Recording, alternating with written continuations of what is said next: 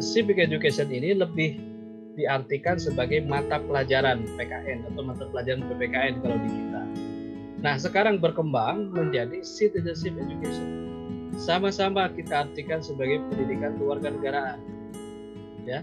Jadi, civic ilmu kewarganegaraan, civic education dan citizenship juga sama sebagai pendidikan kewarganegaraan, hanya citizenship education itu pendidikan kewarganegaraan dalam arti sebagai satu keilmuan yang utuh. Di dalamnya mencakup uh, apa?